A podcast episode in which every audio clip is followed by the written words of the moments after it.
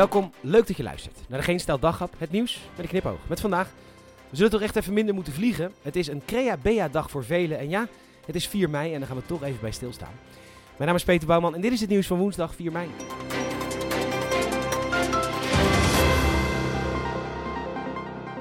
Ja, het is vandaag 4 mei. Je kunt er niet omheen. Ja, en je moet er jaarlijks gewoon ja, wel echt even bij stilstaan. Dat is belangrijk. Opdat wij niet vergeten. En weet je, het is misschien lang geleden, maar het is voor zoveel mensen zo enorm impactvol geweest. En gelukkig zijn er nog wel een paar mensen in leven die het allemaal hebben meegemaakt. Die weten nog uit eerste hand wat de impact was. Hoeveel het met mensen gedaan heeft.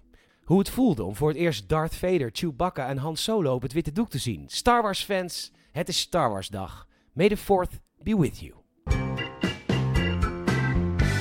4 mei, traditiegetrouw natuurlijk een creatieve dag. In Vlissingen is een Pride fototentoonstelling met allemaal pikant geklede en zoenende mannen.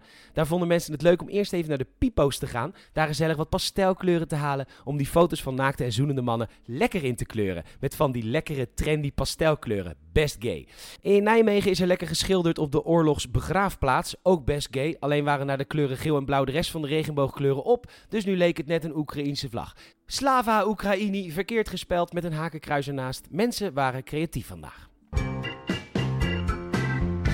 Gisteren hield Schiphol-eindbaas Ben Schop een persconferentie met de boodschap... Ja, hallo, dat gevlieg dat wij allemaal moeten faciliteren, daar hebben we helemaal geen personeel voor. En uh, we gaan maar minder vliegen. Luchtvaartmaatschappijen over de zeik. De ene nog harder in zijn bewoordingen dan de ander. Ja, het is natuurlijk pure onvermogen.